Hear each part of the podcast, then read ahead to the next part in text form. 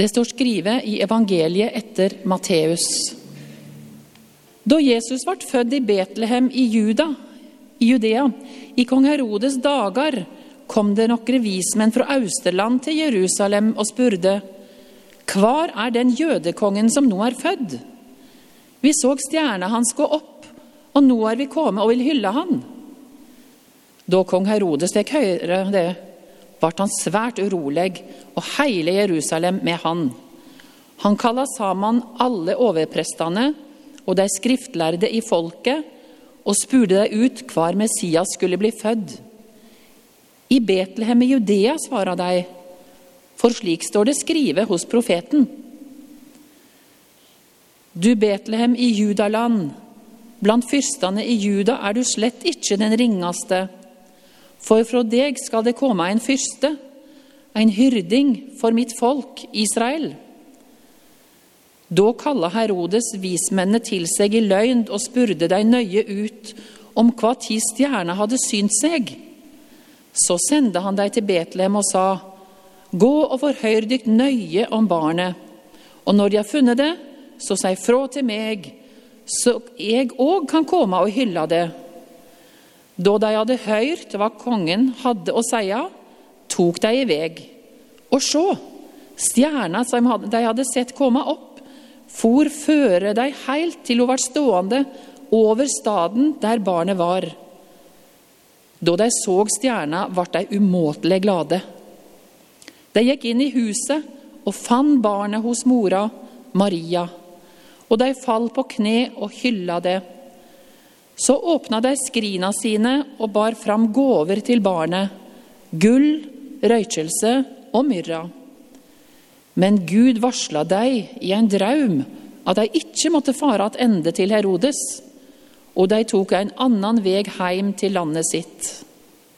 Slik lyder det hellige evangeliet. Så i Matteus 2 og sånn som sang i stad, så har ikke vi noen stjerne på himmelen som vi kan følge for å komme til Kristus. Eh, men vi har Guds ord, som er vår stjerne, som vi kan følge for å komme inn til Han.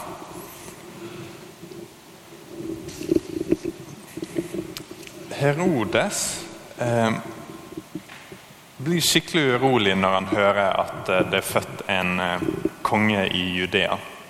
For Strengt tatt så var ikke Herodes en rettmessig konge. Han var eh, pga. slekta og sånne ting, eh, så hadde ikke han noe egentlig krav på å være konge. Han var en litt slu politiker eh, og egentlig en ganske rå og ondskapsfull type. Så han hadde klart å få denne posisjonen. Så når det nå kommer noen i teksten her og spør oh, hvor er kongen født, så er det naturlig at har tenkt at det er her, blant de mektige og blant de med innflytelse. Og når han ikke har peiling på hvem det er, så blir han skikkelig urolig. For han har et eget prosjekt. Han skal bygge sitt rike over sin konge, både over seg sjøl, men også over landet sitt. Så når det nå plutselig kommer beskjed om en ny konge, eh, så blir han veldig urolig. 2020 har kommet. Um, og Denne tida på året så begynner vi nesten automatisk å evaluere litt hva som skjedde i fjor. og så begynner å tenke litt fremover.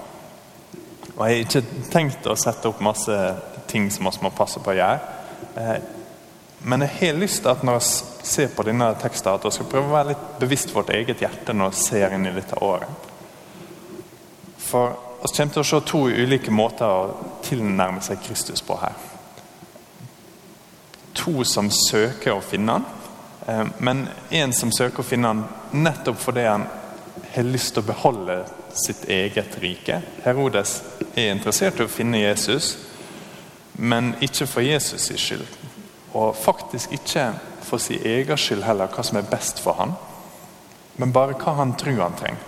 Han tror han trenger å få rydda Jesus av vei, sånn at han endelig kan få litt fred og fortsette planen sin masse bedre forbilde for oss en av de vise mennene som kommer for å finne, finne kongen. De lurer på hvor han er, og de blir skikkelig glad når de finner ham. Så og se litt på tekster i dag. Det, det er teologer som har gjort mer forarbeid enn meg på denne teksten. Annet en som heter Tim Keller, som har samla en litt historisk ting. Og det viser seg interessant nok at før Kristus i tid, og i en lang periode der, så var det et rykte om at fra Judea så kommer til å komme en stor konge. Og det kan jo høres litt sånn ja, Klart det var det, for det står det i Bibelen. Eh, men det er også nevnt i Tacitus, en eh, gresk historiker. Josefus, en jødisk historiker, nevner det. Og det var en mann som brukte dette ryktet for å bli keiser i Romerriket. En general som sa at 'jeg er den store kongen som skal komme fra Judea'. Så det er ikke helt søkt at når det plutselig dukker opp ei stjerne, at de vise mennene tenker ja, her er nå det vi har hørt om. Eh, her er sikkert han fødte en konge. Og det stemte. Her er Kristus født. Eh, og de følger ei stjerne, sannsynligvis et eller annet overnaturlig fenomen. Det er ikke bare planetene som står sånn og sånn. For hvis du ser lenger ned i teksten, så leder stjerner der de er vei helt til, eh, til dit de skal. Til huset. Men det også var vanlig. Det var vanlig å tenke at i forbindelse med fødsel eller død av en stor konge, eh, så vil det vise et eller annet tegn i himmelen. De så nattehimmelen masse bedre enn oss gjør i dag. det hadde mindre lysforurensning. Eh, og de var veldig opptatt av hva nytt kan skje. Det, jeg vet ikke om dere så noe, For litt siden så var det i nyhetene at ei stjerne som Jeg har ikke peiling på hvordan jeg skal uttale Beetlejuice eller et eller annet sånt, eh, kanskje kommer til å eksplodere i en supernova. Hva tid som helst. Så sjekka jeg litt mer, og så viser det seg at hva tid som helst kan være mellom nå og 100 000 år fram. Eh, så jeg tror ikke jeg skal sitte og holde pusten for det. Men dette har skjedd før. Det er mm, skrevet ned i historien at det plutselig har dukka opp stjerner. Og det skjedde i forbindelse med dødsfall en gang av en eh, stor konge. Og de så det og tenkte ah, det gir så mening at det kommer stjerner nå. Ikke bare pga. det, men pga. andre ting også. Så var dette liksom knytt med at nå skjer det noe stort. Nå skjer det noe stort i himmelen. Kanskje skjer noe stort på jorda også. Så de kommer til Herodes, og så spør de ok, hvor er denne kongen. Hvis han ikke er her, hvor skal vi finne han? Så Hvis du ser på vers 4 Da kong Herodes fikk høre det, ble han svært urolig, og hele Jerusalem med han. For nå skjer det store ting. ikke sant? Han kaller sammen alle overprestene og de skriftlærde folket og spurte dem ut hva Messias skulle bli født. Så skjer det noe tøft. Dette vet de. Eh, de skriftlærde vet svaret. Og det kommer rett svar. ikke sant? I Betlehem i Judea svarer de. For slik står det skrevet hos profeten. Og Her er et bibelvers som de nå viser at de kan. Dette ligger langt framme i deres tanke, lenger enn det er med oss. Du Betlehem i Judas land, blant fyrster i Juda er du Så står det litt annet med oss. Den ringeste, for fra deg skal det komme en fyrste en hyrding for mitt folk Israel. Så endrer Matteus det. For det er noe litt rart nå å si at eh, Betlehem er den minste plassen. Matteus vet at alle kan dette verset. Eh, de kan liksom plukke det fram som et fasitsvar. Hvor skal Messias bli født? Jo, Betlehem, for du ringeste, fra deg skal det komme en uh, fyrste. Så trekker han ut for oss at nå er ikke Betlehem den minste plassen lenger. Her er det virkelig skjedd noe stort. Er, nå er Betlehem blitt en plass som alle kommer til å vite om i tusenvis av år. For her er den store keiseren blitt født. Så da får Herodes høre dette, og han forstår ikke viktigheten av verset. Det eneste han får med seg, er ok, Betlehem. Han får ikke med seg noe om at her er en stor og god fyrste som skal komme og være hyrding for sitt folk.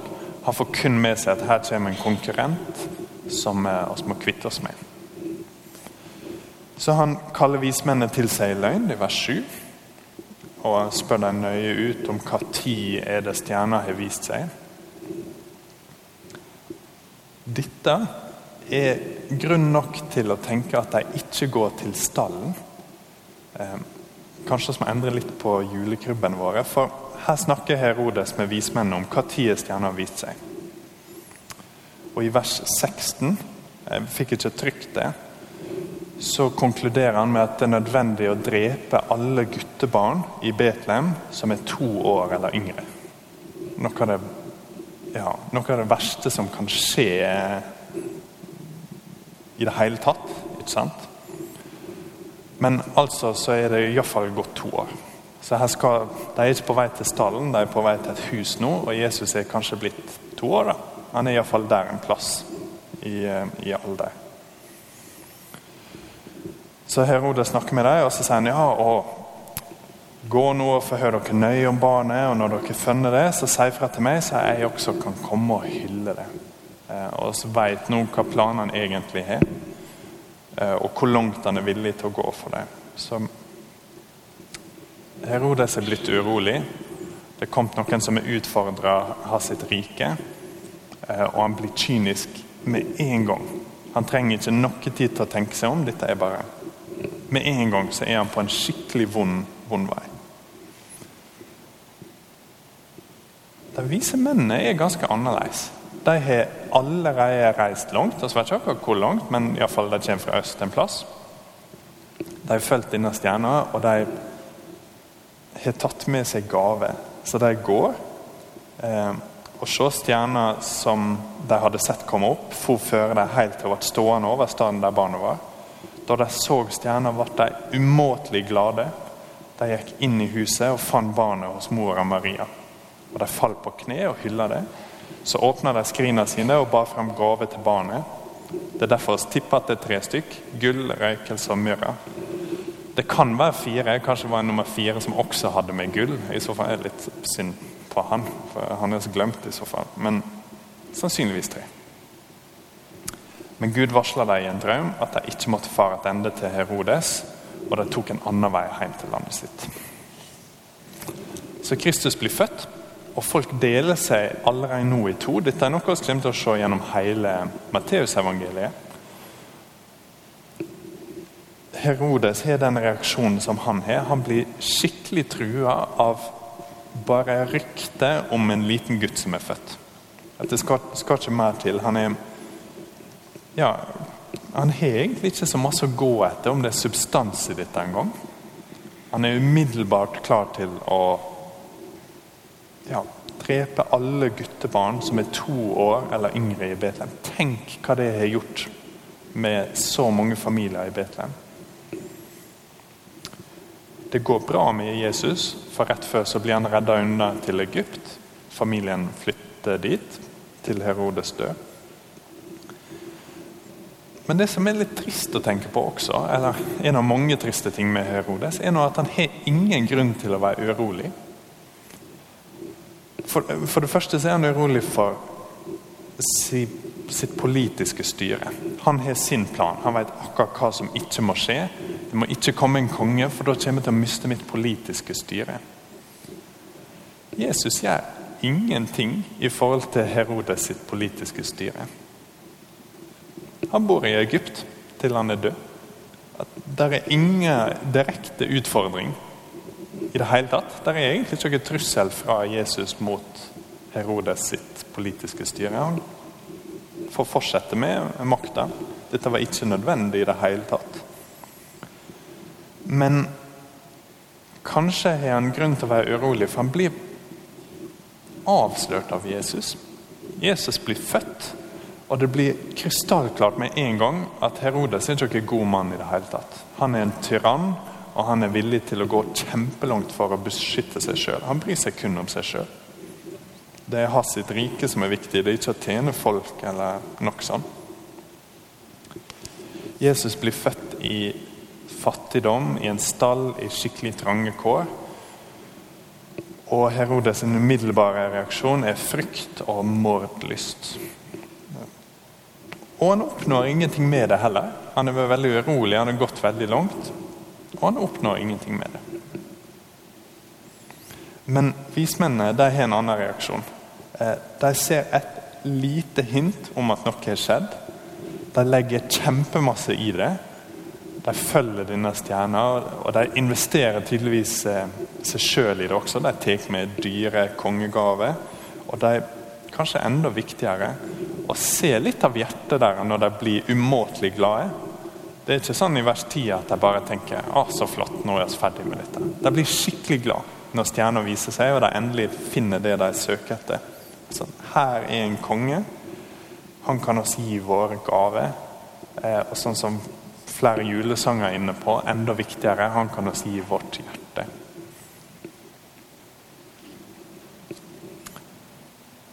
Ok. 2000 år siden. To ulike reaksjoner. Men dette kan jo skje oss også i 2020. På en sannsynligvis lavere intensitet, men kanskje på en måte like viktig. At om oss inni oss sjøl ser noe som helst som står imot Kristus at eh, Om oss merker at det er noe i oss som jobber imot Den hellige ande, som har lyst til å vise oss Jesus og løfte han opp, så må vi være klar over at vi må ta avstand fra det. At det å ta avstand fra synda vår i 2020 er kjempeviktig. Ikke bare kan vi spare oss sjøl for masse uro, men vi kan også spare oss sjøl fra å kave masse med noe som ikke vil føre oss noen vei. At det med å skulle styre med å sjøl prøve å være universets hersker, eller sjøl være kongen med det endelige ordet, det å skulle bygge sitt eget rike, det er utrolig slitsomt. Det er skadelig både for seg sjøl og for andre. Og det funker ikke at når Jesus blir født i en stall, så er det umiddelbart tydelig at det er han som er kongen. Det er han som får stjerner på himmelen, og det er han som får besøk fra øst. Eh, og Herodes uro alene viser nå at han forstår at her er det en annen som har et større krav på tronen enn meg. Så han oppnår ingenting. Og alt som vi merker i oss, av bare den minste lyst til å lovsynge Kristus til å synge salmer hjemme eller her, til å be, til å fortelle den minste ting om Han til noen. Alle sånne ting må vi løfte opp og blåse opp. For se hvor langt vismennene kommer egentlig ganske lite. De tar en tur for å se hva konge som er født, eh, og det kommer masse ut av det. Og vi tenker fortsatt på i dag hvordan de var noen av de første som kom og æra den største kongen som kunne komme. Så hvis du hører at frelseren din er født, så ta imot ham. Gi ham den dyreste gava. Sånn som det står i en av julesangene. Med lovsang spring med deg imot og kysse støvet for din fot. Og signe stund og sele natt, da du ble født din sjeleskatt for oss har lyst å se Herren Jesus og prise ham. Så Derfor kan vi synge om det nå.